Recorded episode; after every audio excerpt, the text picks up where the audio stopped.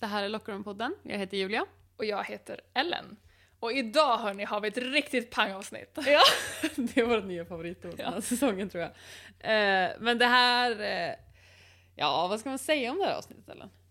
Ja, vi kan säga att eh, vi pratar med Fredrik Stengarn. Eh, en otroligt klok person. Eh, som också brinner för samma sak som vi brinner för. Nämligen eh, jämställd idrott. Ja. Och eh, vi eh, stötte på Fredrik kan man ju inte säga att vi har gjort. Vi har ju typ i princip stakat upp honom. För att eh, i höstas när jag och Ellen skulle hålla våra tal om investering i damidrott så var vi ner i ungefär alla Google-hål som fanns för att eh, leta information och hitta statistik och liksom eh, bredda vår uppfattning egentligen eh, om hur det ser ut i, när det kommer till investering i damidrott, både liksom nationellt och internationellt. Och då hittade vi en krönika som Fredrik har skrivit på ämnet som vi tyckte var väldigt, väldigt bra. Eh, och den inspirerade vårt tal väldigt mycket och då kändes det väldigt naturligt att be honom att vara en gäst eh, i podden.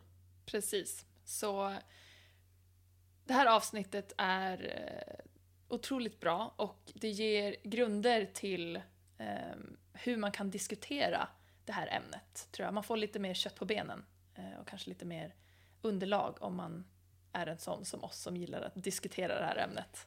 Exakt.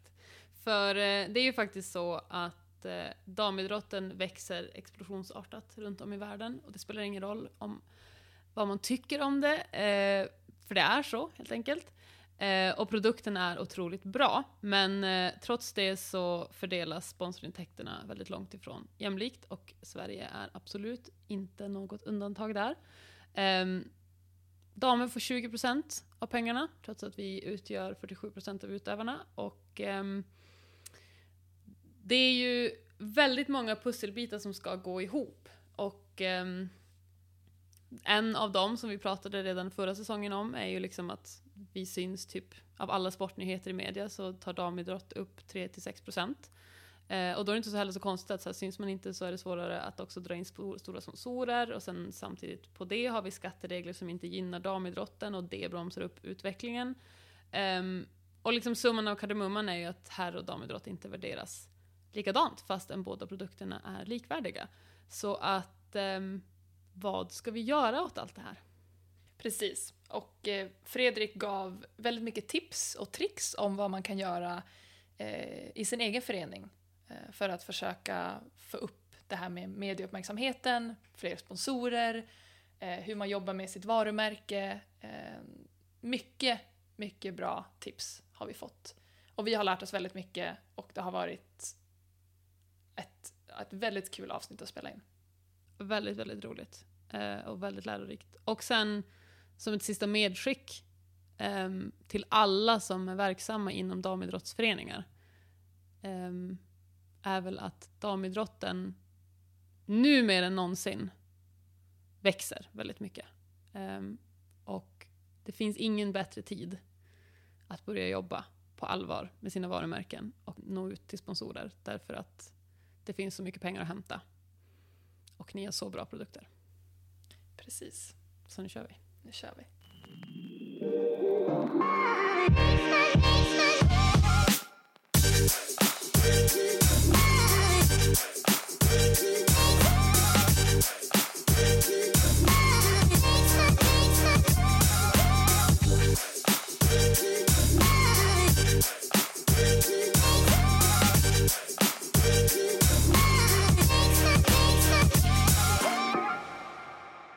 Vi säger hej och välkommen till Lockerroom-podden Fredrik Stengarn.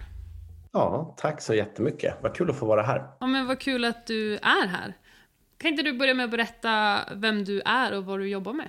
Absolut, det kan jag göra. Jag kan ju förvarna de här lyssnarna också för att min röst är lite förkyld så att ni får stå ut med det i det här avsnittet. Men jag vill, jag vill inte missa den här möjligheten. Jag eh, är eh, företagare, driver en PR och kommunikationsbyrå som har sitt huvudkontor i Örebro men också närvaro i Stockholm. Så jag jobbar mycket med PR, kommunikation, marknadsföring, Eh, varumärkesfrågor i stort är mycket av det jag jobbar med kopplat mot bolag och liknande.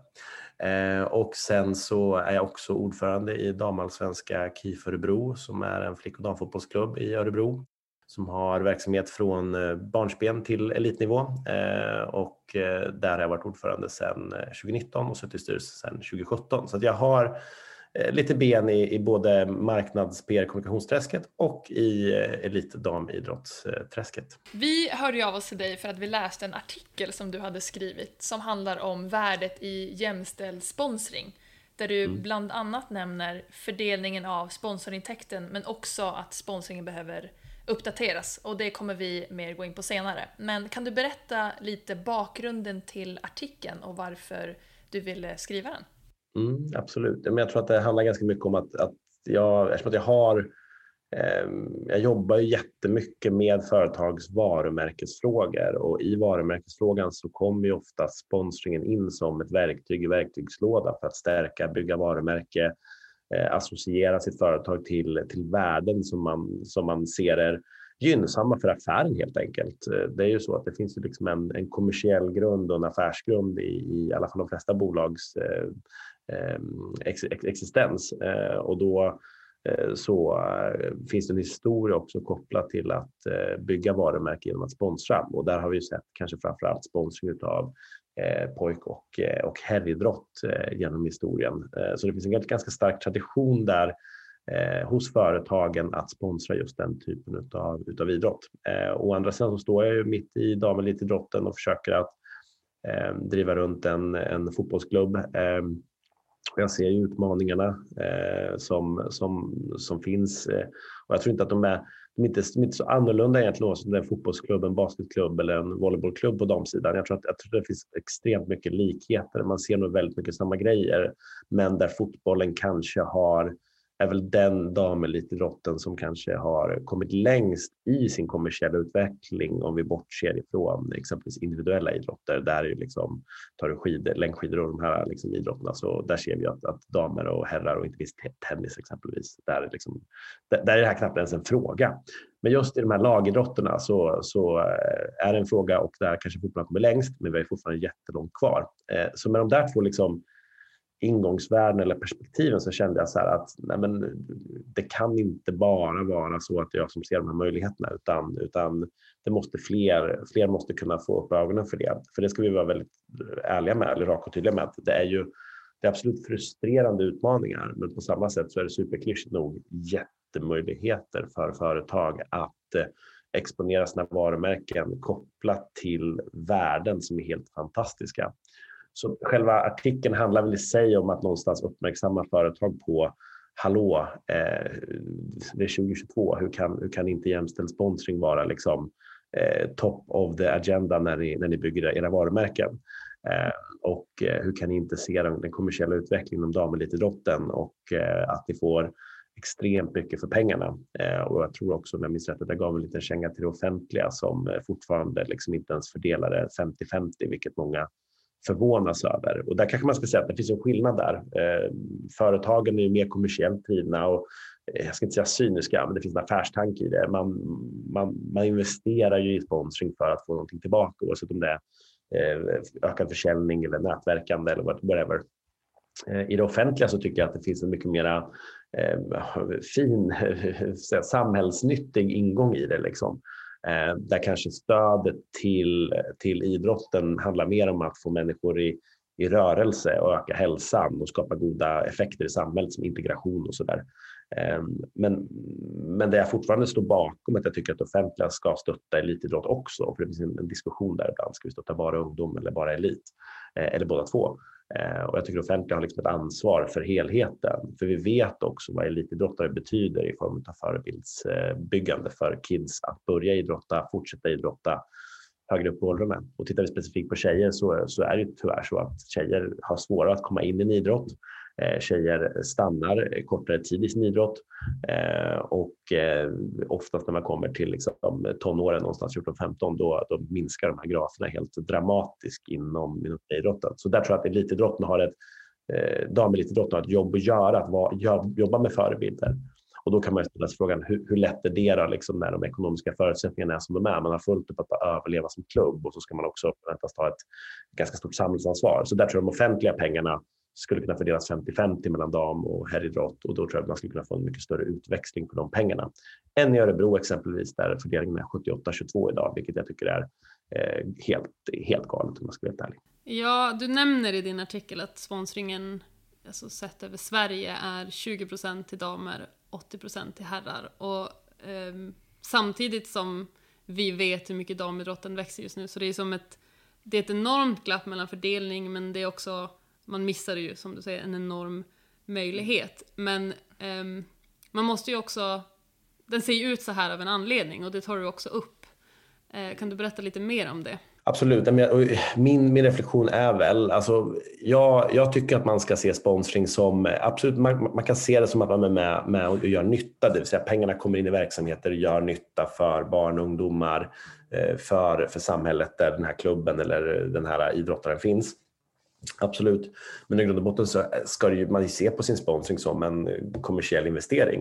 Och jag skulle vilja säga att ett av problemen som har varit kanske att man inte har gjort det när man har sponsrat lag och tidigare. Alltså då, då är jag superkrass. Alltså man har investerat i sponsring i herrlag, men man har inte gjort det alltid på kommersiella grunder, utan man har gjort det för att man är en gubbe som råkar sitta på en position och ha en påse pengar i företaget och så tycker man att det är lite kul att heja på just det där laget. Och så säger man nu ska vi gå in med en halv miljon till GIF Sundsvall eller vad det nu kan vara för någonting. Um, inte för att hänga ut dem, men som ett, som ett, som ett random exempel. Okej, okay, men har ni på riktigt gjort den kommersiella värderingen av det? Är det värt 500 000? Nej, jag tror inte att man har gjort det, utan jag tror jättemycket av den historiska sponsringen har byggt jättemycket på eh, klappa ryggen-relationer, eh, ofta ute i kommunerna, liksom ute i, i de här orterna. Och där har ju varit män har sponsrat män. Eh, jag tror att det är super, jag tror att, ja, jag tror att det är så krasst. Jag har, jag har inte något eh, evidens på det, men, men jag tror att det är så krasst. Där vi nu ser en, en förändring i, i kraven. Alltså vi ser ju att det ökar, särskilt hos de större företagen som är mer av koncernkaraktär, där policies implementeras, det är mer jämställdhet på banan. Eh, där börjar ju herridrotten får det jäkligt tufft just nu att, att motivera eh, investeringarna. För det är inte längre så att man råkar känna Janne som är VD och då är det okej okay att få loss den där pengen. Utan helt plötsligt så kommer någon som jobbar med hållbarhet eller någon som jobbar med, med, med andra perspektiv och ställer frågan vad får vi för pengarna egentligen? Eh, och här har herridrotten haft det jätte jättetufft och särskilt fotbollen där man ser att, att de, de strugglar med, med att få loss pengar när de bara har herridrott. Det är därför vi ser en utveckling inom fotbollen exempelvis att många av de här herrallsvenska lagen startar nu damlag. Eh, det är ju absolut, man kan ju tänka sig att det är jättefint att man gör det och jag, jag, tycker att det är bra att man gör det och satsar på damerna.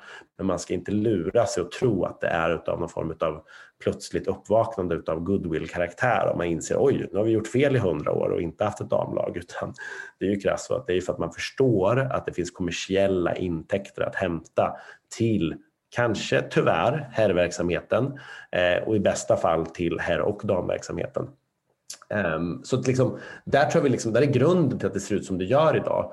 Uh, och det finns ingen historia eller tradition att riktigt sponsra dam, damelitidrotten. Jag tänker också att damelitidrott har inte ens alltid fått finnas. Alltså, under väldigt många år fick inte kvinnor idrotta, så det är inte så konstigt att damsidan inte har den här historiska sponsringen eller det här, den här starka kulturen. Därför att vi har inte, det har inte gått att bygga den eftersom att vi inte har fått idrotta. Ja, men, eh, e-, exakt, och det där är så himla intressant för att det är så många som liksom någonstans säger så här, ja ja men eh, damerna får väl göra skäl för sina, för sina pengar. Då får ni väl, ni får väl, eh, när ni är lika eh, exponerade eller lika kommersiellt gångbara som killarnas idrottande, då kan ni få pengar. Okej, okay, ja, så kan man ju se på det. Eller så kan man se på det så, som att killarna har varit subventionerade jättelänge för att komma dit de är. Jag kan ju bara ta Örebro SK här i, som är herrfotbollslaget man ska inte luras och tro, alltså på 70 80-talet, de här spelarna de var ju subventionerade av kommunen. De fick ju jobb i kommunen parallellt. Det var ett sätt att liksom skicka in kommunpengar i den, i den idrotten. Så man hade fotbollen och så fick man pengar av kommunen för att jobba som någon vaktmästare, liksom, fast man kanske inte gjorde så mycket för de där pengarna. Så man ska inte luras och tro att inte herridrotten har fått stöd genom åren. Det råkar bara vara så att de står nu bättre rustade kommersiellt för att de har fått försprånget. Och där tycker jag att man ska faktiskt applådera och jag är så jäkla imponerad av alla som har slitit på i damidrotten för den exponentiella utvecklingen. Det går ju fort i damidrotten. Alltså damfotbollen tog fart på, började bubbla på 80-talet igen. Så det som har hänt på den korta tiden sedan dess, det är ändå ganska mycket. Liksom. Så att jag, tror att, jag tror att vi ska liksom någonstans ge cred till alla de krafter som har kämpat runt det. Men, men, eh, men eh, den är på utveckling och jag tror att vi kommer se eh, att den där kraften kommer bara fortsätta. Och här finns det ju en jätte, återigen, möjlighet för så många företag att kliva på tåget redan nu och visa vägen. Jag tror att varumärkesvärdena är enorma i det. Ja, och jag läste en artikel om, det var just kring fotbollen, jag tror att det var eh, kopplat till England egentligen bara, men man förutspådde att de, de starka damklubbarna i England kommer ha samma typ av kommersiella eh, både värde och närvaro som herrklubbarna om typ tio år. Eh, och det, kom, det, kommer inte vara unikt för eh, bara England eller bara fotbollen, utan det är ju som en, det är en trend som vi ser sett över alla damidrotter. Sen kan man bara göra en passus där. Jag, jag sa ju det här med att, eh, att man ofta säger det att ja, men när, ni, när ni är lika populära då kan ni få pengarna. Men titta då på det amerikanska dam, damlandslaget och ersättningarna där versus herrlandslaget. Här har vi ett damlandslag som drar, drar, drar, in mer pengar till det amerikanska fotbollförbundet. Men herrarna får mer, får mer betalt. Eh, varför är det så för? Helt orimligt. Liksom. Så att det, det finns någonting där liksom att ja, det spelar liksom ingen roll. Eh, ibland kan jag känna så här oavsett hur mycket man liksom kämpar på och anstränger sig så är det alltid, alltid ja, men ni måste ta er hit och så tar man sig dit. Ja, fast ni måste ta er hit. Ja, men ni sa, nej, okej, ja, men så tar man sig dit och så, nej, ni måste ta er hit. Alltså, det är hela tiden ett nytt, en ny level som krävs för damidrotten för att förtjäna pengarna. Och det tycker jag är jätteproblematiskt. Liksom. Eh, och det är ju en slags försvarsmekanism kanske från, från herridrotten eh, där man är rädd för att tappa pengar såklart. Men om vi då ska gå liksom till basics med det här med sponsring. Eh, varför går företag in med pengar till idrotten? Eh, för det måste vi ändå förstå om vi ska förstå själva marknaden. Vad är liksom deras incitament att gå in med pengar i idrotten? Jag skulle säga att liksom, om man tar ett företags incitament som grund så, så är den ju oftast affärsmässig. Alltså man, grunden till att sponsra någonting, att överhuvudtaget synas, höras, marknadsföras, det är ju för att öka försäljningen, öka attraktiviteten eh, och på senare tid så har även kommit in ganska mycket HR-perspektiv i det också, att öka attraktionen för, som arbetsgivare, att kunna locka till sig kompetens och sådär. Men i grund och botten så kan man säga att det, det är för att öka den kommersiella liksom, affären i, i bolaget. Eh, och där är ingen hemlighet att, att idrotten eh, som arena har ju historiskt lockat många människor, alltså både utövare men också tittare. Eh, för det är ju en underhållningsindustri i grund och botten. Även om, om, om det är jättemycket goda effekter på barnnivå liksom, där det finns eh, rörelsefrämjande effekter för samhället och folkhälsan så är i eliten så är det ju en slags underhållning.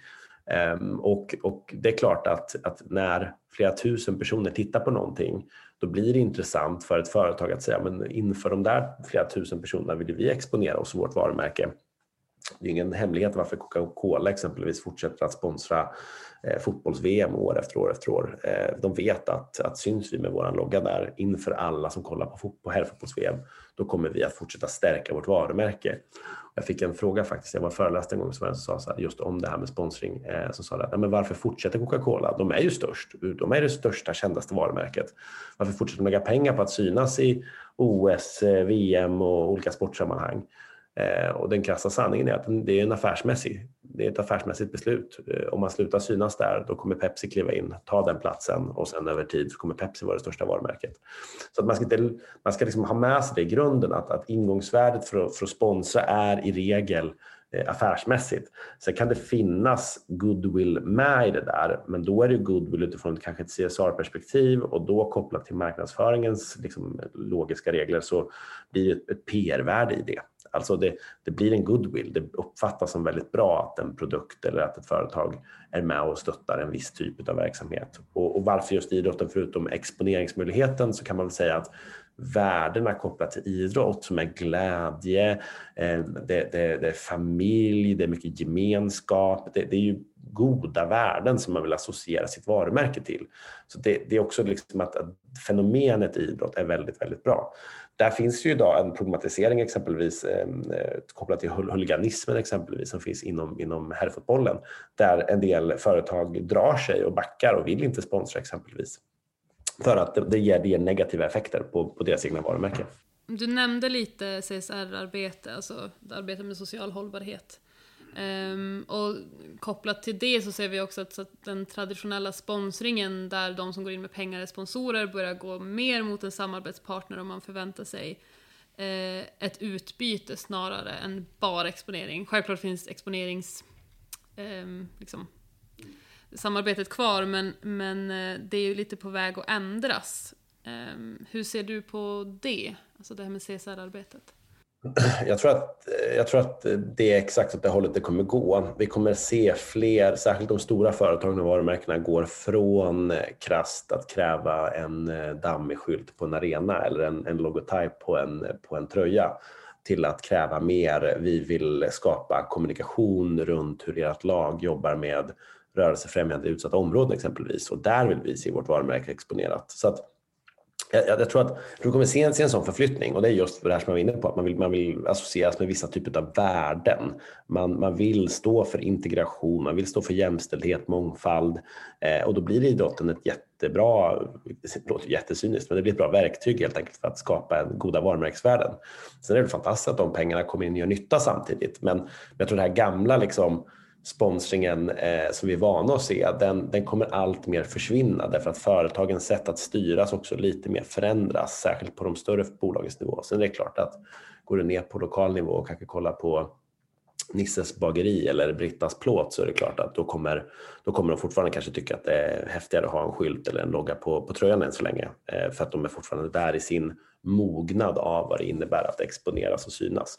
Men ju större företag, ju större varumärke, desto mer kommer det där sponsring, jag tror till och med man pratar om 4.0 idag, liksom, att, att man ser att, att det är helt andra saker som ska till än, än just en exponering. Eh, där finns det ju en, ett exempel inom, inom eh, just elitfotbollen med Eskilstuna United som eh, valde att på sin, på sin fotbollsdräkt sätta bara deras hållbarhetsinitiativ, Jag 2030, på, på tröjan. Eh, och inga andra parts eller sponsorer. Vilket, vilket är ganska unikt. Så det spännande att se liksom hur, hur fungerar det och hur, hur, hur kommer det att, att driva på förändringen eller krasst var de för snabba? Sprang, hade de liksom, skulle de ha gjort det mer successivt? Det där följer jag med jättestor spänning för att se liksom hur, hur, hur funkar ett konkret, konkret exempel? För det är en sak att Barcelona inom fotbollen, det blir mycket fotboll här, jag hör det. Men det, det är okej. Okay. Fotbollen har varit ganska frånvarande hittills i vår ja. podd, så den är välkommen. Ja, men vilken tur. Då, då kommer jag in med, med den, här, den, här, den här sporten som man minns i skolan att det alltid efterfrågades tid hos läraren från alla fotbollselever. Kan vi inte spela fotboll? Ja, ja. Så, så, och alla basketboll. Nej, um, Nej men eh, Barcelona har ju liksom Unicef, liksom, men det är ju också från Barcelonas, de är ju så stora Barcelona, så då är ju de så pass liksom rika att de ser att okej, okay, vi kan få ett varumärkesvärde om vi bara har Unicef på tröjan. Så det, de liksom, nu har de ju gått ifrån det konceptet för att de behövde väl pengar till slut och då blev det Spotify. Men, men ni fattar, det, där fanns liksom en annat incitament om varför. I Eskilstunas fall så är det lite mera man vill få med sig bolagen på den här hållbarhetsresan men inte att nödvändigtvis behöva exponera sig hos Eskilstuna United utan att snarare själva i sina kanaler berätta att de är en sponsor till Eskilstuna United. Så det ska bli spännande att se vad händer med den typen av sponsring? Liksom, kommer vi se att den tar fart? Är vi inte riktigt moget än? Var de för snabba? Ja, återstår att se. Den här säsongen sponsras Locker podden av Rain Total Body Fuel Rain är ett innovativt och smakrikt energidrycksalternativ som hjälper atleter att prestera på sin topp. Och vi eh, är ju väldigt specifika och noggranna med vilka vi gör samarbeten med och eh, därför kändes det naturligt och självklart att ha med Rain på vårt poddtåg. Precis. Och förutom att Rain delar våra värderingar så gillar vi även att de jobbar mycket med storytelling. Eh, precis som i vår podd så tar de även upp ämnen som kan vara lite svåra att prata om. Ja, så besök deras Youtube-kanal för att ta del av deras stories. Tack Rain! Tack!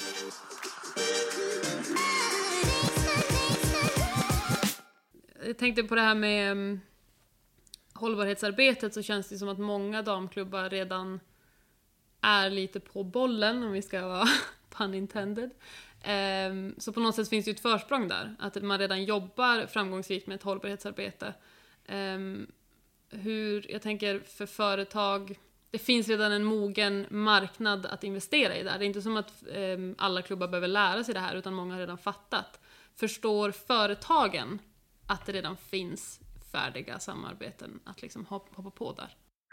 Jag tror inte riktigt att de förstår det än. Jag tror att det kommer bli mer och mer uppenbart eh, inom elitdamfotbollen, alltså lagen inom Damallsvenskan och Elitettan som är den högsta och näst högsta serien i fotboll i Sverige. Ehm, så jobbar vi framåt med just en, en hållbarhetsrapport slash hållbarhetsarbetesvinkel just för att locka till oss eh, stora brands som vill alltså, associeras med allt det goda arbete som görs ute i klubbarna. Så jag tror att det kommer vara fler företag som upptäcker det här i takt med att det också blir lite mera eh, ja, men lite mera uppmärksammat hur man kan jobba med sponsring framåt. Det är det här som är frustrationen. Jag skulle vilja att fler företag snabbare insåg värden i att jobba på andra sätt.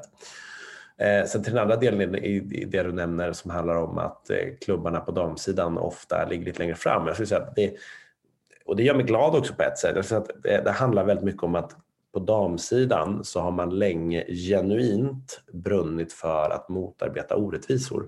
För att man själv har sett en så stor orättvisa, alltså i just kopplingen mellan herr och damidrott.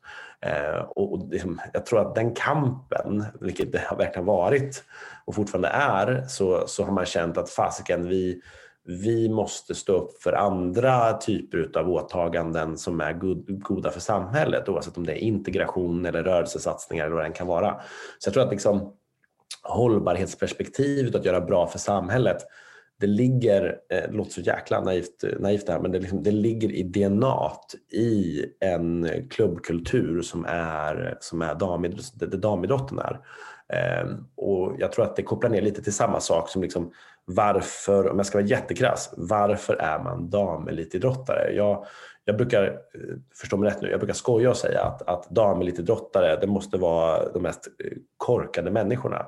Därför att de väljer att lägga så mycket tid, så mycket engagemang eh, oftast, om, om inte om, alltså, lika mycket som en kille gör på sin elitidrott, eh, jag skulle till och med säga mer än en kille gör på sin elitidrott, eftersom det är så mycket annat som måste göras för att det här ska kunna fungera.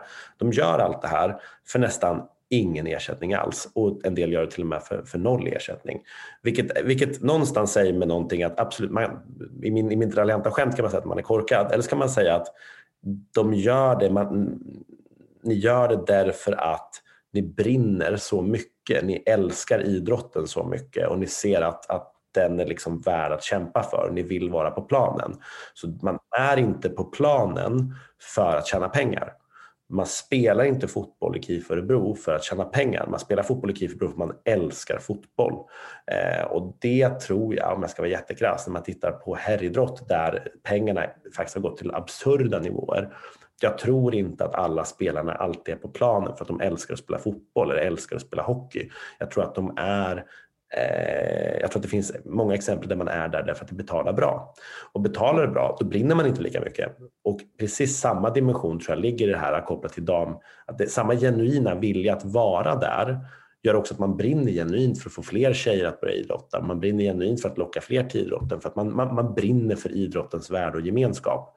Eh, och det gör att man vill göra gott i samhället när man är och då anstränger man sig för att göra det. Och allt det där som vi liksom bara har gjort i DNA, helt plötsligt idag så börjar det bli jätteattraktivt för företag. Och här tror jag det finns en stress hos många ehm, herr, herridrotter eller herr, herrverksamheter att shit, vi ligger efter här. Vi kanske, det kanske, vi kanske ska åka ut till det utsatta området nu. Nu raljerar jag lite, det finns många som gör ett, som gör ett bra arbete även på här sidan. Men ni förstår, ni förstår vad jag menar. Det är liksom, där har ögonen öppnats nu för att vi kanske måste engagera oss i hållbarhet. Eh, Medan på damsidan så tror jag att det har varit väldigt viktigt väldigt, väldigt länge för att det ligger så nära till hands och så nära hjärtat. Ja, nej, jag håller helt med. Och vi, vi pratade om det här eh, för några dagar sedan att det, på ett sätt är det så sjukt att damidrottare ska behöva göra så mycket liksom med CSR-arbeten för att få samma typer av summor och kanske till och med lägre summor. Men liksom det är ju sjukt på ett sätt, men det är också någonting man vill göra. Alltså man vill jobba med det och det, det, känns, det är inte lika kul att hålla på med idrott om man inte känner att man får liksom ge tillbaka eller att man får göra någonting bra för samhället eller att man liksom att man gör alla de här sakerna som betyder så mycket för en, som man brinner för. Eh, och att klubben liksom har bra värderingar är otroligt viktigt, skulle mm. jag säga. Absolut. Ja, men jag tror det ligger också mycket i det du säger, att, för det vet jag också att vi har pratat om, eh, nu kommer jag inte ihåg var jag hade läst det, men det var en annan, en amerikansk elitidrottare som pratade om att det, man är som så van, man vet inget annat än att kämpa för sina rättigheter som kvinnlig idrottare för att man får kämpa för, du får kämpa för träningstider, du får kämpa för betalt, du får kämpa för spe, att få spela, du får liksom, att bara ens kliva ut på planen är ibland en kamp. Så att, så att man vet inte om att man kan sluta utan det är naturligt att fortsätta kämpa för de som ska komma efter och de som ska ta vid och allt det där. Att det är som, jag tror också att det ligger lite i DNA. Och det i sig kanske är sorgligt men någonstans är det också en standard vi kanske behöver hålla män mot också. Att de också ska slåss för de här sakerna. Absolut, och vi får jättemycket feedback. Om man går tillbaka till min klubb, KIF Örebro, så får vi mycket jättepositiv feedback från våra partners, samarbetspartners för offentliga som handlar om just de här åtagandena som är väldigt mer CSR-kopplade. Att våra spelare är extremt uppskattade och man, att de upplever att det finns ett stort genuint engagemang Eh, jag ska inte hänga ut några, men, men motsvarande aktiviteter där kanske herr, herrspelare har varit med i olika sporter så har det kanske inte varit samma genuina engagemang på plats. Och jag, jag, jag tror det märks och jag tror att den liksom det, och jag tror att det är just att det ligger så nära till oss. Jag kan ta Frida som exempel hos oss som eh, är uppifrån från Piteå faktiskt och kom till oss 2018, eh, lagkapten. Och hon hon, liksom, hon har sin roll i KIF Örebro som fotbollsspelare. Hon parallellt eh, förut pluggade och jobbade extra liksom, för att få ihop sin verklighet och vardag. Och det är någonting fint att se att hon går upp tidigt på morgonen, kör morgonträning. Eh, sen efter det då, då åker hon till jobbet och så jobbar hon fram till klockan tre, halv fyra. Eh, klockan fyra så är hon nere på Bern Arena, ja, därför att det är då damelitidrottare får träna efter arbetstid. Så är man där och tränar hela dagen, sen åker man hem, äter någon form av mat, kanske pluggar lite grann och sen är klockan åtta och då sätter man sig, eh, eller då tar man sig ut i fritidsgården i, ja, men i Vivalla här i Örebro som är ett utsatt område, socioekonomiskt svagt område. Eh, och hon gör det. Och då är hon på fritidsgården och så är hon där och umgås med barnen och kidsen och har sjukt kul. Kommer hem igen kanske vid halv tio, går och lägger sig, somnar och går upp igen. Alltså, det där är liksom en, egentligen en helt ohållbar dag. Det är egentligen en helt ohållbar vardag. Liksom. Hur får man ihop det där? Men hon gör det för att hon brinner så mycket för det. Hon tar sig dessutom mellan alla ställen på en cykel, för hon har inte råd med en bil. Alltså, det är liksom såklart, och, och så jämför man det liksom med, med, med en tillvaro för en herrelitidrottare. Det kanske är upp på morgonen, går ner till något café här, sitter och chillar, dricker lite kaffe, käkar en macka, går ner till träningen, kör den, går hem och spelar lite Fifa. Eh, eh, sen på eftermiddagen går man och tränar något gympass och sen just det, jag skulle åka ut dit, ja men då, eh, jag åker väl dit helt enkelt. Eh, och så är man där ute och kanske tycker att det är jättekul att vara med kidsen. Men dagen ser helt annorlunda ut när man kommer till den där fritidsgården och ändå trots att liksom den dagen har varit som den varit så levererar Frida till 190 procent när hon kliver in på den här fritidsgården. Det är för mig så jävla imponerande. Det, det, det är någonting i det där och jag tror att ni säger det. Liksom det, det är lite synd på ett sätt att, att det ska behöva vara så att man hela tiden ska behöva leverera på den nivån. Eh, men jag tror också att man är så van att göra det att, att man bara biter ihop och gör det. För man ser också att ja, är det så så är det så. Det är verkligheten. För det handlar inte om att det är någon, och det vill jag vara väldigt, väldigt tydlig med, när man, när man pratar om de här frågorna, en del säger så här, ja, ta inte på dig offerkoftan. Men det handlar inte om offerkoftan. Det handlar om att det är så här verkligheten ser ut. Vi beskriver snarare verkligheten offerkoftan hade ju varit om vi hade sagt att nej, och vi kan inte åka till den här fritidsgården för vi, vi har så dåligt ställt. Det hade varit offerkofta.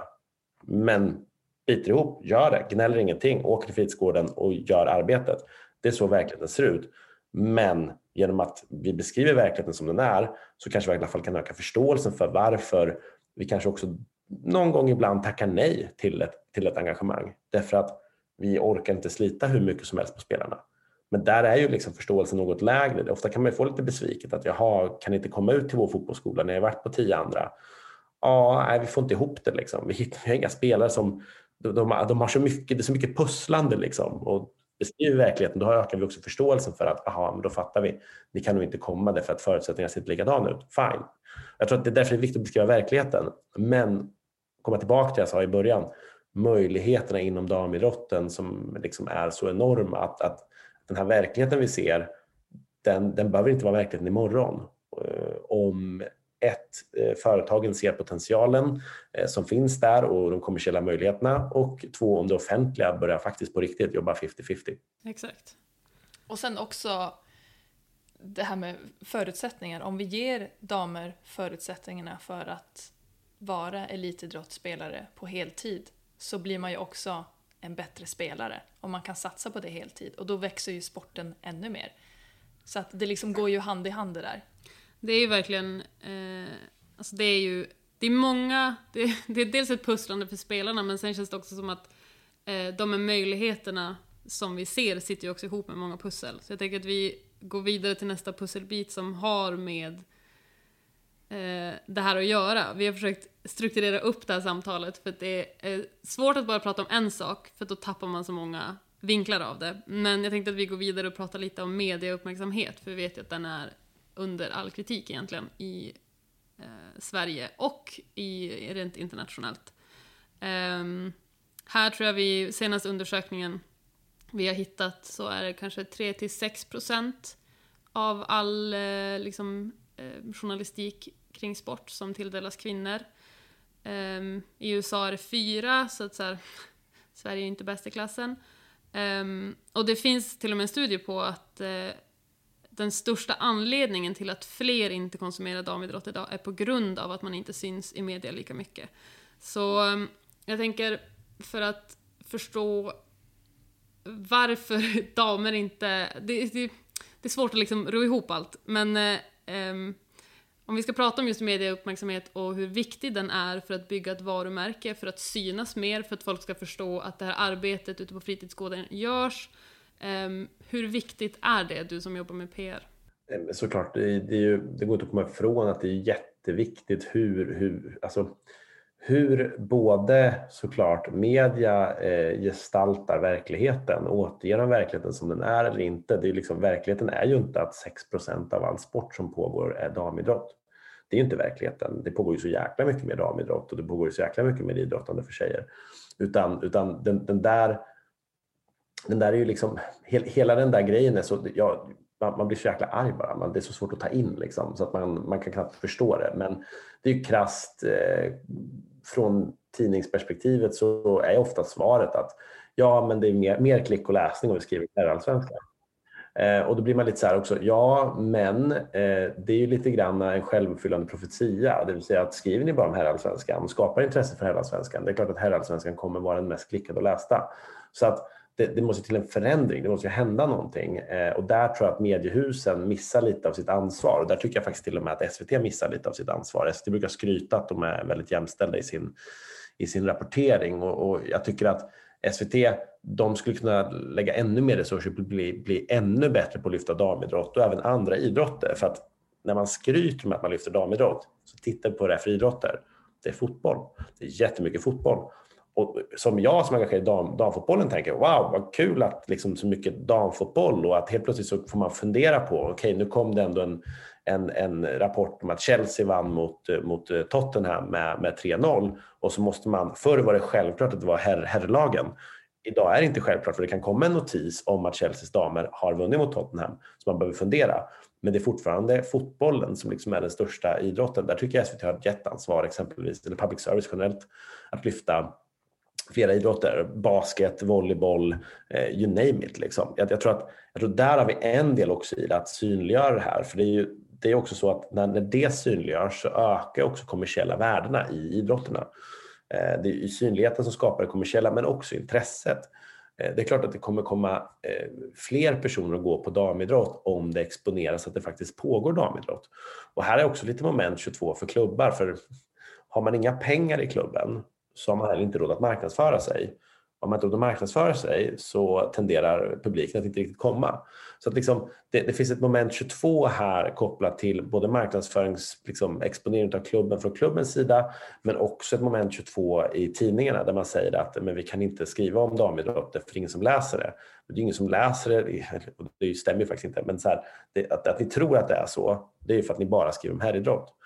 Ehm, det finns ett initiativ i USA som jag följer med spänning som heter Just Women Sports eh, som bara skriver om, om eh, damidrott. Jag tycker att det är jättespännande att se liksom ett, hur det uppstår en, ett behov, att de har sett en lucka och att bara skriva om det. Och jag skulle vara så jäkla glad om något nyhetsmedie i Sverige eller om det skulle uppstå någon som bara skrev om, om, om damidrott. Alltså för, för jag tror att, att, eller damsport, för jag tror att, att det skulle behövas. Liksom. Ja, alltså, och alltså ska vi flika in, det går jävligt bra för Just Women's Sports. Det är inte mm. så att det inte finns en marknad, utan man, alltså folk tar del av det där. Mm. Det är verkligen det är up and coming.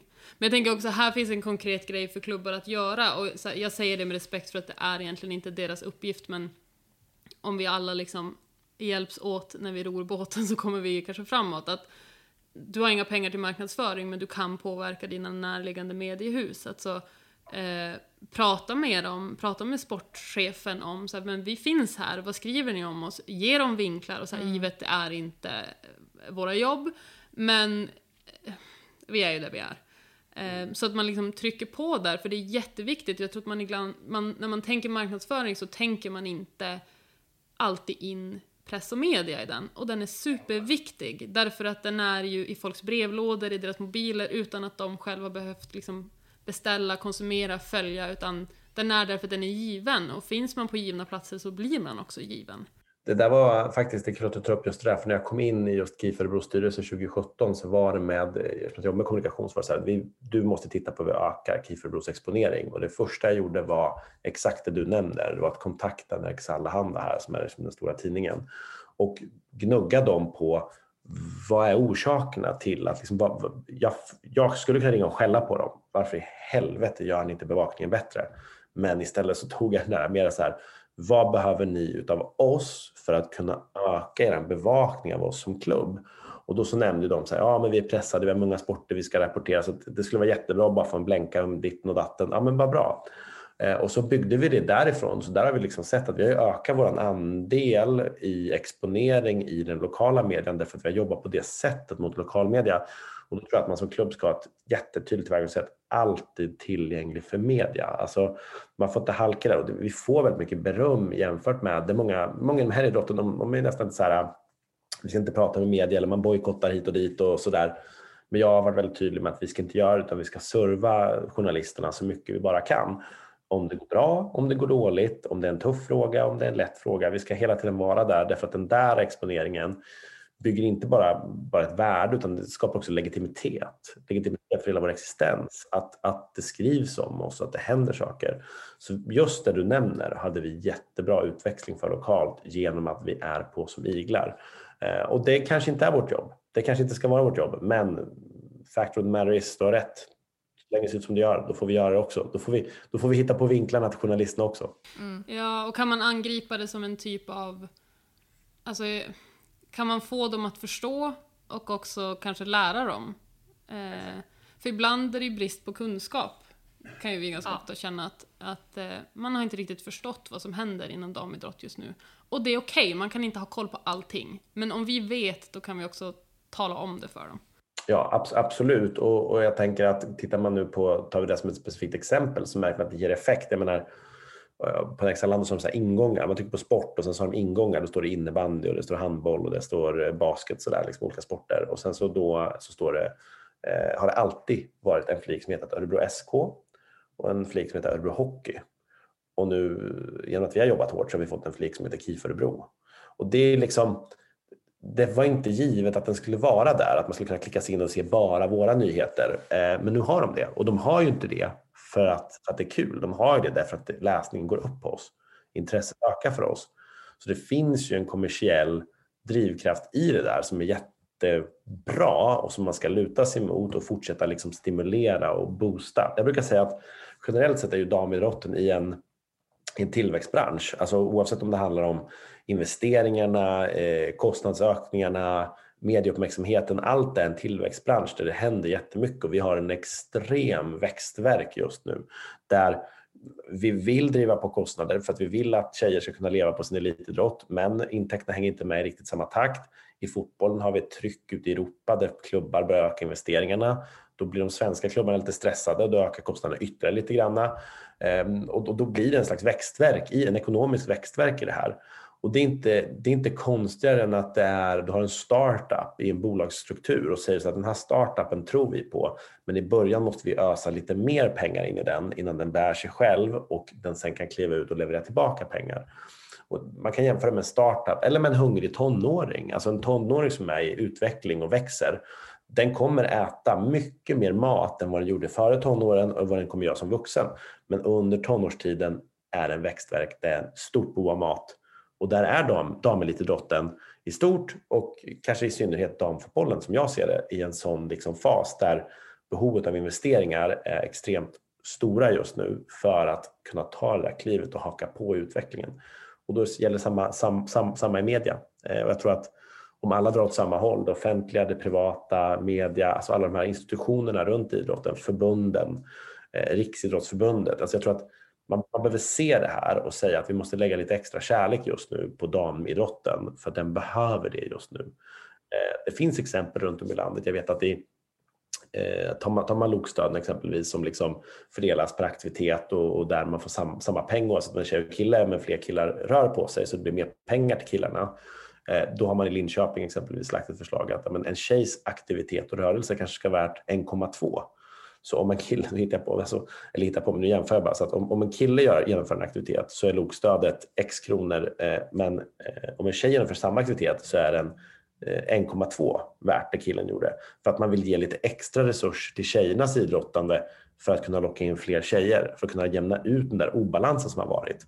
Jag tror att sådana såna typ av exempel behöver vi hitta i det offentliga och vi behöver också hitta i det, i det privata näringslivet större möjligheter att faktiskt sponsra. Ehm, och där pratar jag, pratar jag så jäkla mycket, men där har vi en, en jättestor fråga som jag tror börjar bubbla och komma upp lite grann. Men det är ju idag mer lönsamt att sponsra herridrott utifrån hur lagstiftningen ser ut, för, alltså skattereglerna ser ut för det. Det vill säga företag får göra stora avdrag för att sponsra herridrott som man inte får göra för damidrotten.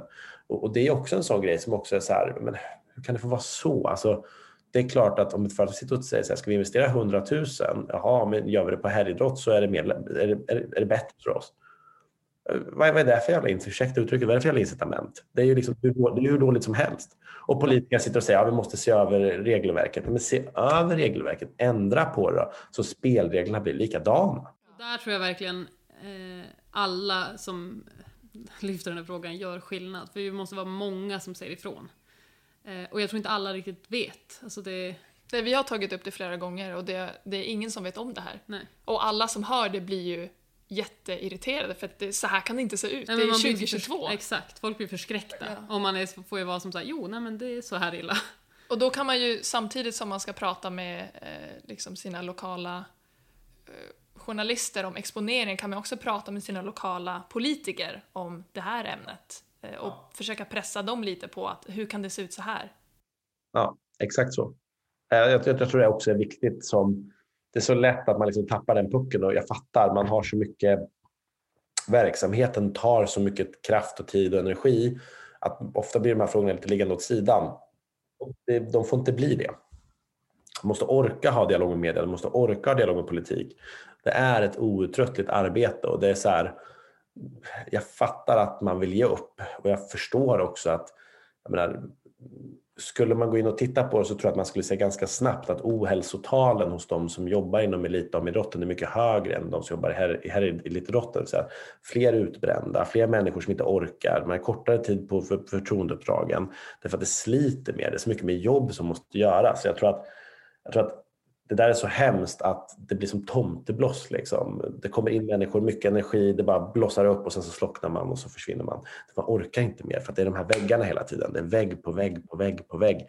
Och till slut så ger man upp. Men jag tror att det är tack vare alla de här utbrända tomteblossen historiskt som vi ändå har kommit dit vi är idag med damidrotten. Så på ett sätt så är det ju jättetragiskt utifrån enskilda människors perspektiv att man, vi ser så många som har gått in i väggen och blivit utbrända. Men hade de inte hade de inte slitit på som galningar, då hade vi kanske inte ens varit där vi är idag.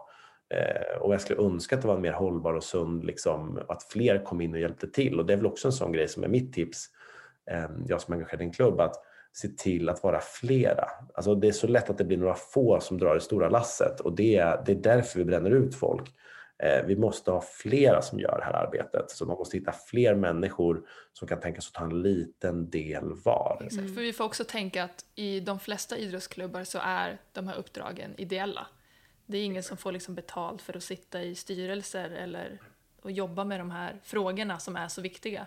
Så att ju fler som jobbar med det desto snabbare kommer vi gå framåt och färre, färre kommer bränna ut sig. Ja, men så är det. Jag fick ju frågan när jag tog ordförandeskapet, så var det många som frågade, jaha, går du ner i tid på ditt jobb nu? Nej, det gör jag verkligen inte. Jag måste ju försörja mig.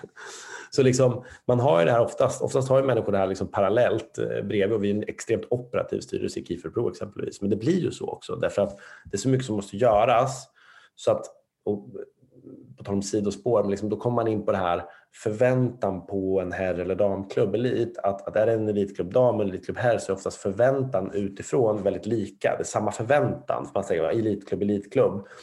Och egentligen så är det ju så att men, ofta är damelitklubben den kanske är i vissa aspekter en elitklubb men i vissa aspekter så är den mer liksom i fotbollsexemplet Åshöjdens BK, liksom, den där lilla klubben på landet med knappt någon endast anställd. Liksom. Men förväntningarna är lika stora. Och jag tror att där har vi också liksom ett, ett, ett, ett jobb att göra med, med att, att jämna ut de, de förväntningarna. Och där gör vi oss själva en liten otjänst fast vi måste göra den otjänsten genom att vi har många ideella som går in och gör mycket operativt jobb som kanske i en annan värld är avlönad. Det gör att vi, liksom, vi, vi jobbar på som fan för att fortsätta framstå som de där professionella. Men bakom den där professionella fasaden så är det extremt mycket fragil ideell kraft. Liksom. Men vi gör det. Eh, och jag tror att en, jättenyckel för damidrotten framåt är att fortsätta investera eh, och det här är en balansgång, men jag tror att investera i organisation, för att investera i organisation med de pengar som börjar komma in, då kan du bygga någonting som är hållbart och stabilt och där du inte har kritiska verksamhetsfrågor som ligger på ideella krafter. Utan de kritiska frågorna måste ligga på avlönad kraft.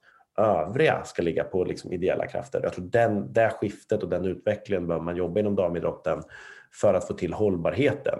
Men det är lätt att springa in och säga att vi måste öka spelarlönerna därför att alla vill ge spelarna mer betalt i månaden för de har så lite betalt. Så det är den här konflikten mellan är det organisation eller är det spelarlöner? Vart ska vi lägga pengarna?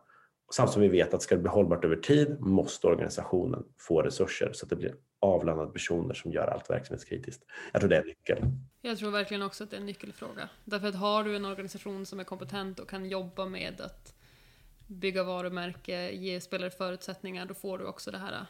Um, ja. Du blir värd mer också, för att ska du sälja in Alltså väldigt krasst sett så är ju spelarna eller laget produkten du säljer och det är det du bygger ditt varumärke kring.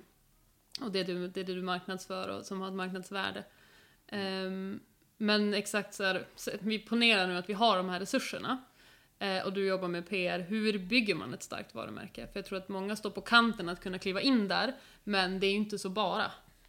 Nej, det är det verkligen inte. Och jag ska bara säga det att det finns också en del i det vi pratade om innan som handlar ganska mycket om att leva upp också till, till förväntningarna i de partneravtalen man, man kliver, in, kliver in i. Alltså det är så, jag tror många damverksamheter ställs inför faktumet att man kliver in i ett partneravtal och så upptäcker man shit, det här är ju svintufft att leva upp till därför att man har satt sig och gått med på att det är samma krav som om det var herr, herrklubbens liksom, avtal. Och jag tror där är det så himla viktigt att det blir en samspel och dialog med partners. Man måste förklara verkligheten hur den ser ut och vad kan vi leva upp till i leveranserna. Så att det liksom inte blir massa besvikelse för då riskerar man att få in en peng som är ganska stor. Kraven blev så höga så organisationen klarar inte av att leverera på de där avtalen och så tappar man den, den partnern. Eh, och jag tror att det, de exemplen finns lite runt om i Sverige. Jag tror att det många klubbar skulle lägga lite tid och resurser på det är att fundera på till att börja med vad är vårt varumärke? Vad står vi för? Alltså, det är så lätt att man, man har sitt klubbemblem och så tänker man det är vårt varumärke. Ja, men vad, vad, vad är det för värden i det varumärket? Vad, vad är det vi bidrar med till partners, våra spelare, ledare, samhället? Vad är det för värden runt det här varumärket? Få ner de värdena, bli tydliga med att det är det här vi levererar som varumärke. Vi, vi står för de här, den här värdegrunden. Eh, vi har en tydlig eh, jag ska, det där är grunden, att liksom säga, det är det här som är vårt löfte som klubb, det är det här vi står för, allas lika värden eller utveckling och glädje eller vad, vad man nu landar i. Och sen kommer frågan om hur tar det sig uttryck i grafiskt maner och hur ska det se ut i sociala kanaler och hur ska de där grejerna vara? Det är liksom nästa steg. Man ska börja i kärnan och grunden och prata och, internt och bestämma sig för vad står vi för? i KIF Örebro så har vi jobbat jättemycket med den här frågan och sagt att vi ska stå för glädje, utveckling tillsammans och vi ska ha en profil som är tydligt att det är unga, hungriga spelare som vill någonstans, som kanske är redo att ta nästa kliv det vill säga vi ska ha ett fokus i klubben på utveckling. Vi ska ha ett fokus i klubben på det att liksom ta nästa steg oavsett om, om det handlar om att du vill ta nästa steg i ungdomssektionen för att bli lite bättre på att slå en frispark eller om du vill ta nästa steg i A-laget för att du vill vara redo för en utlandsklubb. Ja, det är vårt varumärke, det är det vi ska stå för och sen bygger vi jättemycket av vår attraktionskraft runt det. Um, och, och sen tror jag att, att det enklaste sättet det är att resursnyttja alla utövare. Alltså, det, jag tror att man, man missar det ganska ofta. Jag tror att eh, särskilt eh, ju större klubb eller ju mer professionell man börjar bli, desto sämre blir man på att nyttja sitt A-lag exempelvis. Alltså jag, tror att, jag tror att spelarna behöver vara motorn i att bygga varumärket, att släppa in behind the scenes. Jag tror man har jättemycket att tjäna på att varumärkesbygga genom att öppna upp och ha ganska stor transparens som klubb. För det skapar en genuin känsla, goodwill och det där vill jag vara en del utav. Så liksom grundtipset för att bygga starkt varumärke i en idrottsklubb eller, eller i ett lag. Vad står vi för? Vad är det vi vill förmedla? Vad, vad, betyder det att vi måste ta för aktiviteter och actions? Betyder det att vi måste agera på ett visst sätt? Eh, och hur gestaltar vi det? Jo, vi låter spelare och ledare inom klubben vara budbärarna för det, därför att det är de som står för den största trovärdigheten. Ehm, då tror jag man har jättemycket att vinna på det. Ehm, och det finns jättemycket tydligt när man som marknadsundersöks liksom kring vad är, det, vad är det följarna vill ha? Vad är det människor är nyfikna på? Då är det ju inte bara eh, klubben i sig eller, eller, eller den idrotten och resultaten utan det är vad är det här för individer? Vad är det för personligheter? Och jag tror att man, man får inte glömma det och det är så himla lätt. Där har damidrottare oftast längre, eh, man står längre ifrån att se sig själv som ett starkt varumärke. För man ser, men jag är bara en, jag är bara en basketspelare. Nej, du är ett varumärke. Du är en del av klubbens varumärke. Du är intressant, därför så kan du vara med och bygga både klubben och sportens varumärke och även ditt eget varumärke genom att ta plats, synas, höras, eh, släppa in, berätta mer. Eh, och då kan man ju säga så här, men jag vill inte vara, vara, vara privat i offentliga medier. Det är inte det det handlar om. Man ska inte vara privat, men man behöver nog bli lite personlig. Jag tror att det är liksom ett, ett stark, den starkaste vägen fram som klubb, att ta den approachen och utbilda slash jobba med spelartrupperna att förstå det här, att förstå hur det hänger ihop. Eh, då tror jag att man bygger starkast möjliga varumärke och skapar en väldigt så här, genuin känsla runt, runt klubben. Jag menar, det är ju, man säljer ju in sig själv som klubb och då säljer man ju sitt varumärke till sponsorer. Men det är ju svårt att sälja in någonting om man inte har en genomarbetad, genomarbetad eh, varumärke och ett starkt varumärke. Har man ett starkt varumärke så är det enklare att sälja in det till sponsorer och därför få mer pengar och kunna jobba mer med de här frågorna och kunna utveckla hela, hela idrotten. Ex, exakt så och jag tror att då kommer man också ifrån det där att man, eh, alltså när man kommer att träffa en sponsor, jag brukar säga att försök ta reda på vad är nyckeln för den här sponsorn. För att det, man ska inte gå in och lova allt utan man ska gå in och fråga sig, vad är viktigast för dig? Är det att um, öka försäljning? Eller är det att stärka ditt varumärke? Eller är det att skapa en kul eh, aktivitet för din personal? Eller är det en internt behov ni har? Vad, vad är nyckeln? Nyckel för varför ni vill sponsra oss? Och sen bygga partnerskapet utifrån vad som är den enskilt viktigaste frågan för den partnern. För då är det mycket också lättare att eh, med, sin egen liksom leverans i vad den partnern efterfrågar. Och har man då gjort sitt jobb med varumärket, då kan man stå för vissa saker. Så då får de både en leverans i att man faktiskt hittar nyckeln för vad den är intresserad av, men också e, erbjuder de här extra värdena. Ehm, en sån sak som vi märker i KIF Örebro, det, är som, det kan vara självklart, men för oss blev det så här, nej men det är uppenbarligen inte självklart när vi, när vi började säga att hos oss går 100 procent till tjejerna.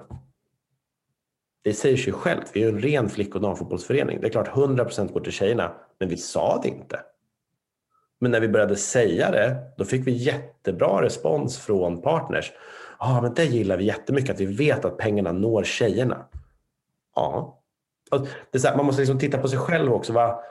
Ibland är det så här, det är, så, det, ja, det är väl självklart. Nej, det är inte självklart. Ibland måste man göra det enkelt och Ja. lite dumb it down liksom. Men jag tänker också, precis som det vi pratade om med media, kan man, eh, om man företräder en klubb, se det lite som en utbildningsprocess med en partner. Att också säga att det här är vi, men det här är också de värdena ni går med i. Alltså det här är damidrotten i stort. Kan vi få folk att förstå det, då tror jag också processen av själva införsäljningen går lättare för att folk vill höra det där men de vet inte. Och kan vi tala om det så kanske vi gör båda parter en tjänst. Alltså vi kommer två kliv närmare varandra från varsitt håll. Och kan verkligen mötas. Helt, helt korrekt. Alltså det är verkligen. Och, och, och jag tror att man ska också i det också göra en liten... Eh, det, det är lätt att tänka att, eh, att det som triggar mest är så här, ja men vi tar hit en, jag hittar på basketen, ni tar dit en stjärna från USA som har spelat i New York Liberty, I don't know, och så kommer de liksom till er och så blir det, ja, det här är stjärnan vi ska trycka på. Men då måste man fundera lite grann, okej, det är ju bilden vi har av hur elitidrott ska kommuniceras. Stjärnorna ska ta platsen och är man utifrån, utomlands från, så har man alltid varit en stjärna, särskilt ur det här eh, idrottsperspektivet. Men jag tror att man underskattar då ett annat perspektiv, därför att stjärnorna kan lika väl vara den lokala tjejen ifrån orten. Alltså, det kan vara stjärnan. Det, alltså här i Örebro exempelvis, de mest populära spelarna, det är inte Jenna Hellström, kanadensisk landslagsspelare. Hon, hon, hon är populär, det är hon. Men de populäraste spelarna, det är Elsa Pelgander, Emilia Pelgander, Lisa Frisk, Ebba Kabander, Maja Regnås som är tjejer som är örebroare. De, de drar klicks, likes, åskådare, intressen. Så att ibland finns de här stjärnorna närmare än vad vi tror. Det är exakt samma sak för Luleå Basket. Alltså, jag vet att eh, Luleå spelare är nyckeln till att nå fansen. Och också vill man, eh, jag tänker när man, om man bara pratar kommunikation, vill man, ju fler som är nyc- nycklar, desto bättre. Så man kan ju också tänka att så här, om vi har men en, en stark liksom, lokal bas av spelare som är väldigt, väldigt omtyckta. Men då använder vi dem för att man ska lära känna resten av laget genom dem. Alltså man, man kan ju som bredda det där, till slut är alla i laget en väldigt, väldigt stark koppling till Luleå, i det här fallet då. Exakt. Eller Örebro, oavsett var man kommer ifrån. Men vi måste ju som identifiera vart det är starkt och sen kan det liksom få sippra ut över alla. Och då har man helt plötsligt, så då har man varumärket som är klubben, men man har också i eh, basketens fall 12 ofta spelare som i sig är en del och bär det varumärket och då når vi ut sjukt snabbt, sjukt enkelt. Exakt. Och väldigt naturligt och det är det man, man vill ha som fan. Det är, det, det är ju behind the scenes, det är det naturliga, man vill känna den här kontakten. Eh, och det gör man om man liksom jobbar med det där från någon typ av genuin grund tror jag. Ja, håll- jag kan bara, amen.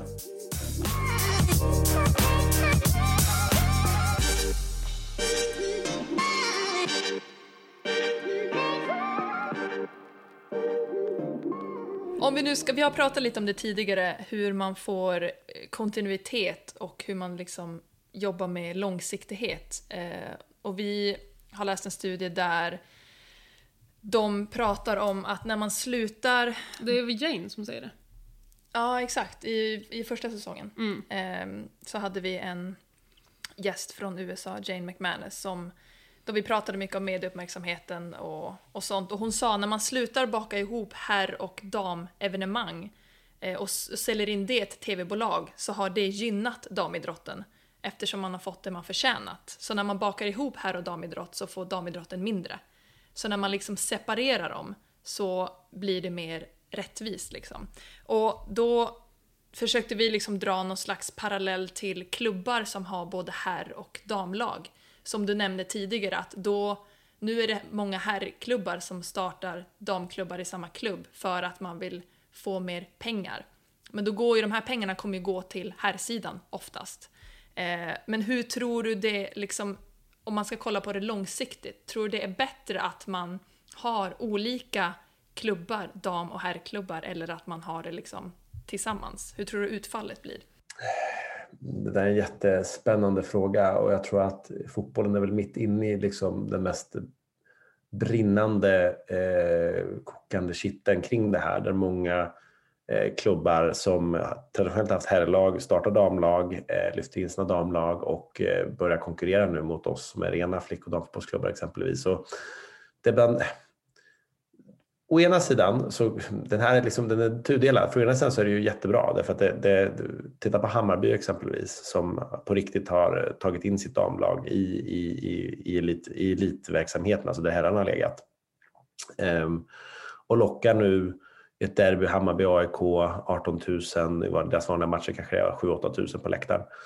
Eh, det, det, är klart att det, det gör ju en jätteeffekt för självförtroendet, för tjejers fotbollsspelande, eh, alla de effekterna som det blir tack vare att de går den vägen. Och det kanske inte hade blivit den spilleffekten om det hade varit, eh, fortsatt vara en ren flick och damfotbollsklubb. Å andra sidan så är det ju jätteoroväckande kopplat till det du nämner att hur, hur vet vi om ett bolag lägger 100 000 i en klubb som har ett herrlag och så tar man ett damlag och säger wow, nu får ni 200 000. Hur vet vi att av de 200 000 så går 100 till herrarna och 100 till damerna? Eh, jag tror ju eh, att i de flesta fallen så kanske det går 50 till damerna i bästa fall och 150 till herrarna. Därför att det är någonstans där nyckeln har räknats ut. Att har vi ett damlag så ökar vi möjligheten att få in mer pengar och då kan vårt lok som oftast är herrverksamheten få liksom, eh, få liksom dragkraft. Så jag tror att det kokar ner till vad är drivkraften i klubben? Är drivkraften att tjäna mer pengar för att herrverksamheten ska gå bra eller är drivkraften att man vill bygga ett varumärke som inkluderar både, eh, både damer och herrar?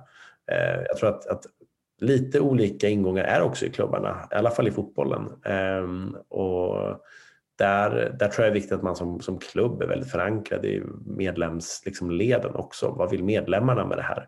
Jag tycker att eh, Hammarby är ett exempel där man gör väldigt mycket satsningar på damerna och samma sak är ju Häcken som också lyfte in ett, ett damlag eh, i sin klubb. Och där man till och med flyttade pojkakademilag från, från liksom, eh, Bravida Arena för att ge plats för damerna och byggde ut för att damerna ska ha det bra. Liksom. Så jag tror att det finns exempel där det är bra och där det blir bra effekter och jag tror att det finns exempel där det blir katastrof och där damlaget kanske får eh, för lite attention. Eh, så kanske att det blir självreglerande men Eh, det som däremot är helt tydligt är att det fortfarande krävs rena flick och, eh, och eh, damelitidrottsklubbar. Därför att fokuset är inte nödvändigtvis överallt på, på tjejernas bästa. Jag får ibland frågan, när ska Kiefer starta ett, ett killag, ett herrlag? Eh, utifrån att man försöker vara lite, jag vet inte om man ibland försöker vara lite så här lustigkurre och säga liksom att ja, inte okej okay att bara ha herrverksamhet men det är visst okej okay att ha damverksamhet bara. Eh, och då brukar mitt svar vara liksom ganska så tydligt att ja, jag hoppas att det kommer en dag när, när det är så tydligt att tjejerna får samma förutsättningar och resurser som killarna att vi, att vi eh, faktiskt behöver starta ett, ett, ett herrlag, ett killag. Men där är vi inte än och så länge vi inte är där då, då kommer vi fortsätta liksom slåss för, för tjejernas möjligheter och då tror vi att vi gör det bäst som en ren flick och damfotbollsförening. Eh, jag vet inte om mitt svar blev något form av politikersvar. Nej, det tycker jag inte. Men det är en ganska intressant eh, fundering, tycker jag. Och jag, jag tror också eh, utifrån så här, eh, kommunikationssynpunkt och varumärkessynpunkt så tycker jag att det känns eh, enklare att du har en klubb som har ett damelitlag och herrelitlagen är en annan klubb. Givet att vi då är från en stad där det har varit så sedan 80-talet. Alltså, Um, damlaget på basketen, basket är en väldigt stor sport i Luleå. Så är damen en egen klubb och herren en egen klubb. Så man har varsitt varumärke, varsin kommunikatör, varsin klubbdirektör, varsina coacher. Alltså det är ingen... Um, man säljer in varsin sak, så man blir väldigt stark i sin... Liksom, i, vad man, i sitt varumärke. Och så här, givet delar vi en mängd sponsorer. Eh, såklart. Men det blir också olika saker för att samma publik som går på herrarna går inte nödvändigtvis på damernas matcher och vice versa. Så man delar inte heller helt och hållet målgrupp, vilket också gör att det finns en vinst i att separera, tror jag.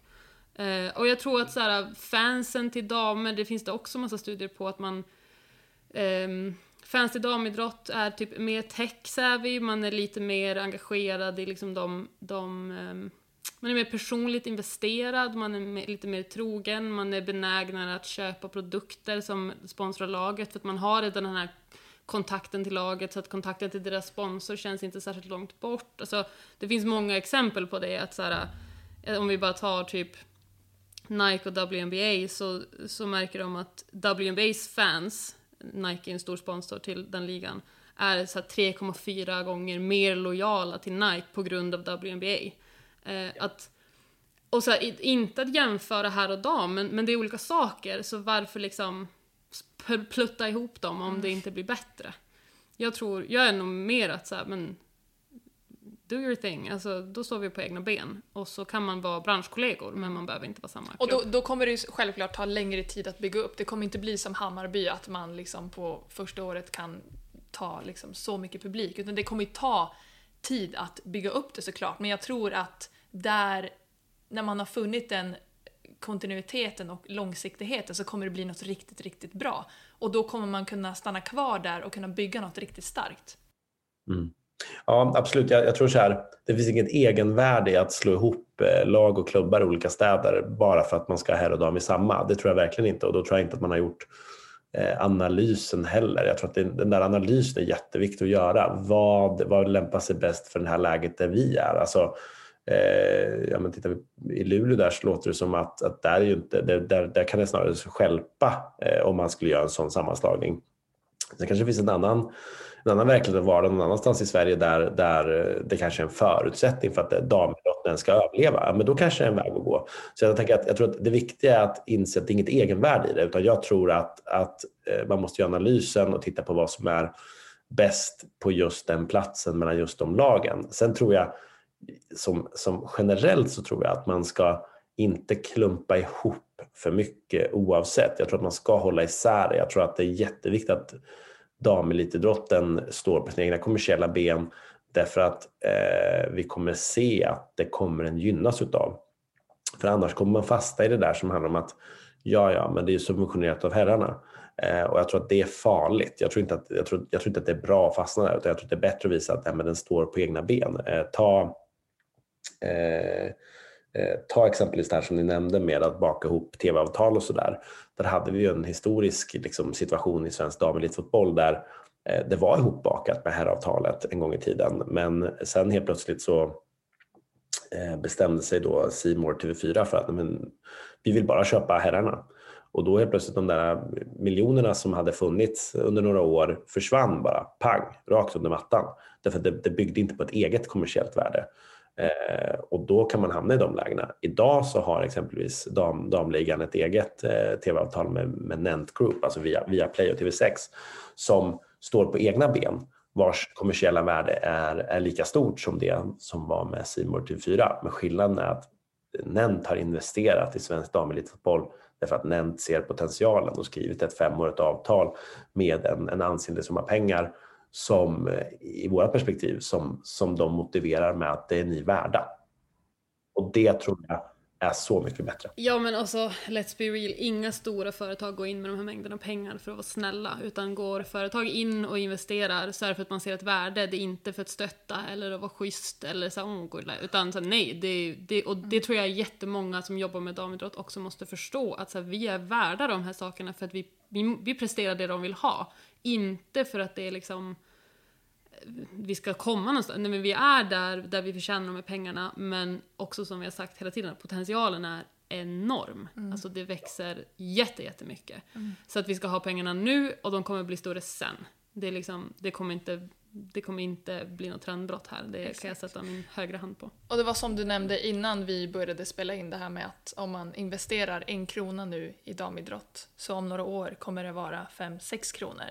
Och jag menar, det är bara, om, om det hade varit en aktie, hur många hade köpt den aktien? Om man visste att det är på väg upp. Så att, jag menar, det säger ju sig självt, det är ju, det är ju smart. Verkligen, jag tror också att det är, som, det är, så, det är så dumt att ens försöka förklara med liksom, eh, ja, men, eh, eh engelska spelaren nu, eh, Tony som, eh, eller Kelly som avgjorde vad heter det, eh, hela, hela EM-finalen liksom, får ett en superdeal nu värd 2 miljoner pund från, jag, tror, jag tror det var Jeep. Eh, eller om det var Cry, ja, det var något märke i alla fall. Eh, och då så här, ja, eh, nu ska de vara snälla mot henne. Vad fan ska de vara snälla mot henne för? Varför ska de ge henne 20 miljoner svenska kronor eller 2 miljoner pund för att vara snäll? Men ingen är, är 20 miljoner snäll. Nej. Alltså snälla. Exakt, det finns inte liksom. Utan de har gjort kalkylen och analysen att det kommer vara värt det för vårt varumärke. Det kommer vara värt det för vi kommer sälja fler bilar. Vi kommer nå till en målgrupp. Vi kommer skapa eh, en större attraktion i samband med köpbeslutet i familjen. Alltså när de väljer bil. Och det är så, här, det är så korkat att ens påstå något annat så jag blir så här svintrött. För det är så här, ingen ger 20 miljoner till en idrottare bara för att. Och vi skulle aldrig någonsin ha sagt det om Nike när de betalar den där miljarden till Tiger Woods en gång i tiden. Det skulle vi aldrig ha sagt. De bara så här, var självklart att Nike vill för, förknippas med Tiger Woods. Det är klart det här bilmärket, det, det för, att, för att det är en investering. Lika samma som också att, att man, Tiger Woods blev liksom när han, den här historien, när han jagade sin fru med golfklubben. liksom, men då, försvann, då försvann en stor del av hans partners. För det är så det funkar, det är business decisions och det är samma sak.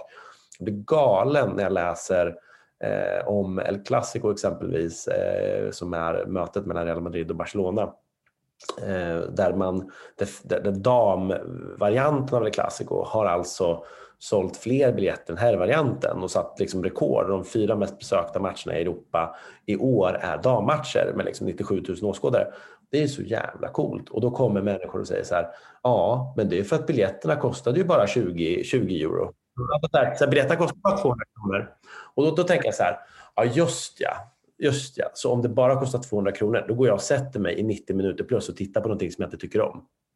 Nej, så funkar det inte. Ingen skulle sitta där om man inte ville. Det är 97 000 personer som aktivt väljer att gå dit. Det är ingen som går dit som en zombie och bara sitter där. Man har aktivt valt att gå dit. Sen att biljetten kostar 20 euro, ja, det må vara så. Då kanske man ska fundera lite grann på herrfotbollen om biljetterna ska kosta så där mycket pengar som de gör när inte publiken kommer. Då kanske man försöker ta lite för mycket betalt för en produkt som folk uppenbarligen då inte vill se. Så jag tänker att liksom, jag blir så provocerad. Liksom att säga, var, varför skulle 97 000 personer gå till en arena och sätta sig i över två och en halv timme totalt för att, för att det var billigt? Det är så dumt. Mm. Det, det är inget, alltså, ja, det går, inga kopplingar går ihop. Alltså, ja. Nej, och det finns, jag menar, du har ju tagit upp några exempel, det finns ju så många exempel på hur damidrotten har växt senaste, senaste åren bara med, med fotbollen, Serena Williams, alltså allt. Eh, så att det vi kan avsluta den här podden med är ju att säga att vi är värda det här och det är en investering. Så att sälj in er själv på rätt sätt som klubbar. Liksom, allt det vi har pratat om med varumärken och, och, och sånt. Sälj in er själv för vi är, vi är värda det här och det här kommer bara fortsätta gå uppåt. Den här kurvan kommer fortsätta gå uppåt. Så att det, det är en investering att sponsra damidrott nu. Ja, alltså verkligen. Eh, det, och, och berätta, jag tror ni var, ni var inne på det förut, jag kommer inte ihåg vem av det var, som var liksom att man kanske måste lära, man kanske måste i sin story berätta om den här utvecklingen. Man kan inte ta för givet att ens partner, potentiella partner ska förstå att det här håller på att hända i damidrotten. En, en del av sales pitchen måste vara att prata prata om utvecklingen. Man måste liksom educata i det här. Och gör man det så tror jag man kan sätta den här, wow vad häftigt, den där resan vill jag vara med på. Ja, vet du vad, du kan kliva på nu. Du kan, du kan ha den gulaste ledartröjan i hela gänget här om du gör det nu. Liksom. Ja, Ja, men det är ju coolt. Och vet du vad? När du gör det, då stöttar du också en idrottsverksamhet som har jäkligt många bra samhällsvärden. Ja, vad menar du? Nej, för att vi brinner för hållbarhet och vi är med och bidrar till eh, integration, rörelsefrämjande, förebildsbyggande. Vi får fler tjejer att röra på sig. Jaha, säger du det? Ja, men det var ju inte så dumt. Nej, och lokala tjejer här i Örebro eller Luleå får en jättestor möjlighet att tro på sitt idrottande, tro på att de kan bli stjärnor, tro på att de också kan göra en karriär. Därför att de ser spelare på Bern Arena som är precis som dem. Det är du bidrar till. Jag tror att bygger man storyn runt sitt varumärke och säljer in det, då tror jag att det är närmare än man tror. Men om man brassar ut och säger att snälla ge oss 50 000 för att vara snäll, du får en skylt hos oss också. Sorry, ain't gonna work. Nej, jag tyckte det var väldigt, eh, väldigt bra avslutande ord, för det Verkligen. rundar upp allt vi har pratat om. Men jag känner att vi hade kunnat fortsätta prata hur länge som helst, det har varit så ja, intressant. Men eh, vi måste någon gång avrunda, så jag tänker vi hugger nu. Men alltså tack så hemskt mycket för att du har gästat oss. Det har varit otroligt lärorikt. Jag tror att det kommer peppa många att eh, fortsätta jobba med det här. För det är en gemensam förändring kommer betyda jättemycket mm. för damidrotten, alltså lokalt men också nationellt. Och så ser vi redan att det händer internationellt. Exakt. Tack detsamma. Ni är, ni är grymma. Keep on working. Tack. Tack.